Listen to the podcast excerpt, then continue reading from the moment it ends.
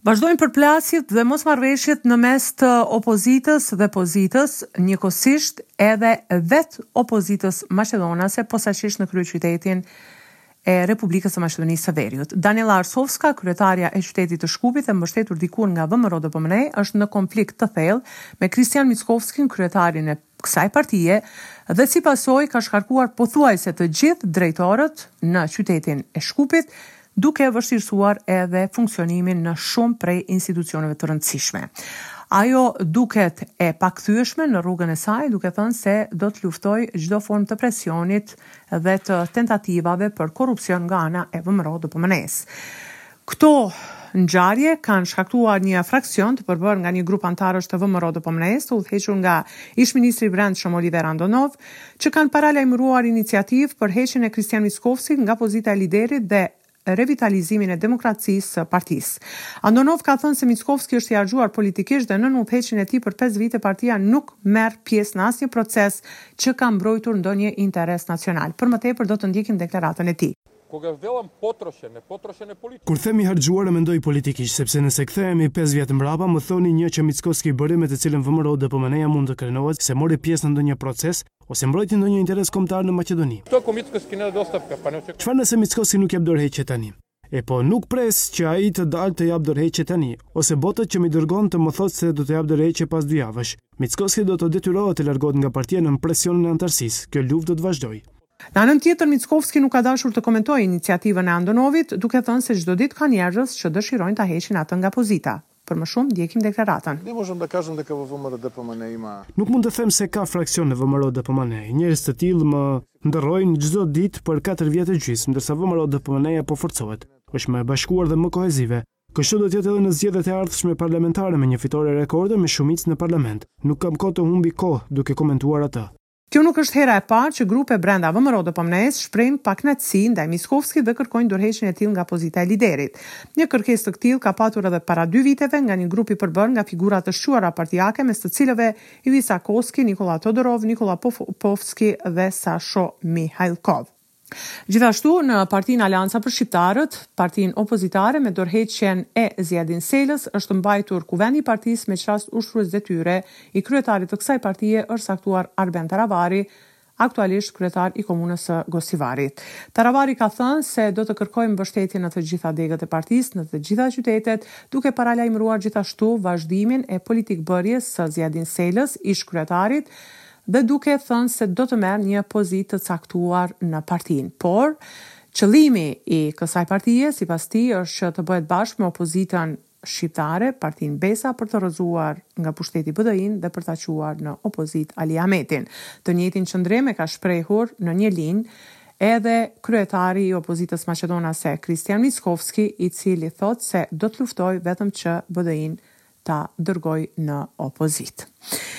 Në anën tjetër, kryetari i Kuvendit Talat Xhaferi është shprehur i prerë se për asnjë vendim të cilin e ka marrë lidhur me referendumin dhe kërkesat e VMRO DPMNE-së gjatë javës që e lamë pas, nuk ka shkelur Kushtetutën. Ai u ka bërë thirrje deputetëve në Kuvend që kur të vijë koha për të bërë ndryshimet kushtetuese t'i përkrahin të njëjtat, pa dallim a janë deputetë të pozitës apo të opozitës.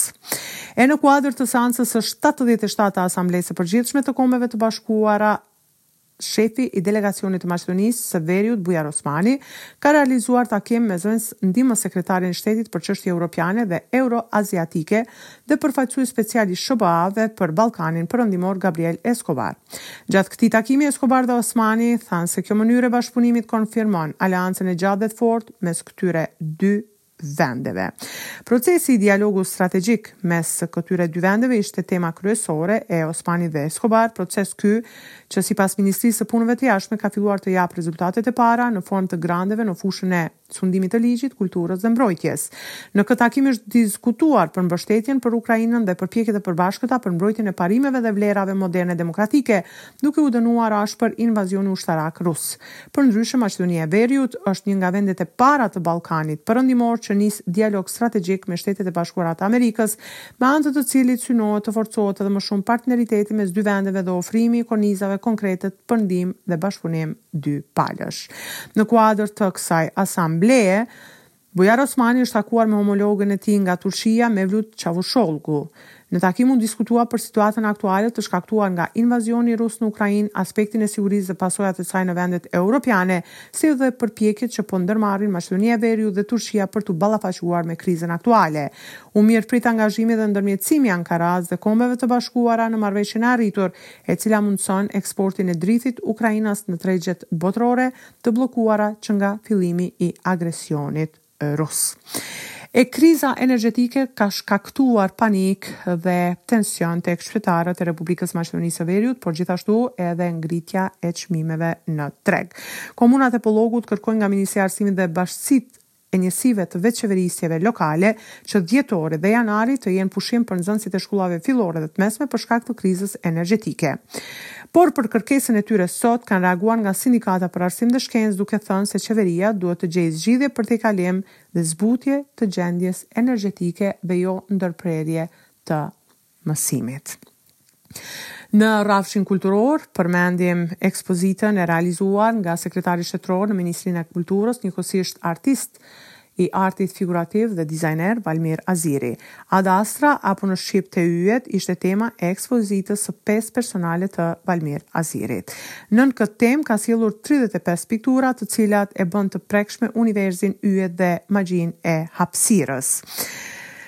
Ai është shprehur se pikturat janë në gjendje të ruajnë atë tension të brishtë estetik mes botës reale dhe imagjinare. Njëkohësisht ka treguar se dëshira e tij është që kjo ekspozitë të zhvillohet në Prishtinë dhe në Tiranë. Për më tepër ndjekim edhe prononcimin e tij. Duke marrë parasysh që është ekspozita ime e parë që po ekspozoj në galerinë kombëtare të Republikës së Maqedonisë së Veriut, pritshmëritë kanë qenë të të mdhaja dhe për falë Zotit u plotësuan. Sot kam pasur mysafirë të gjithë ata të cilët i ftova janë përgjigjur pozitivisht ftesës. Falënderoj çdo njërin i cili ka nda kohë sot për të ardhur dhe për të bërë pjesë e ekspozitës sime. 35 pikturat e mia besoj që kanë lënë një shije të mirë tek vizitorët dhe shpresoj që kjo do më jap shtytje edhe për të vazhduar edhe më tje me punë. Aktivitetet kulturore do të vazhdojnë edhe gjatë javës që vjen, me ç'rast Orkestra Kamertale dhe pianisti Shkëlzen Baftiari kanë paralajmëruar mbajtjen e koncertit me titull Frymë vjeshte në qytetin e Kërçovës dhe të Tetovës. Për Radion SBS raporton nga Republika e Maqedonisë së Veriut, Besiana Mehmedi.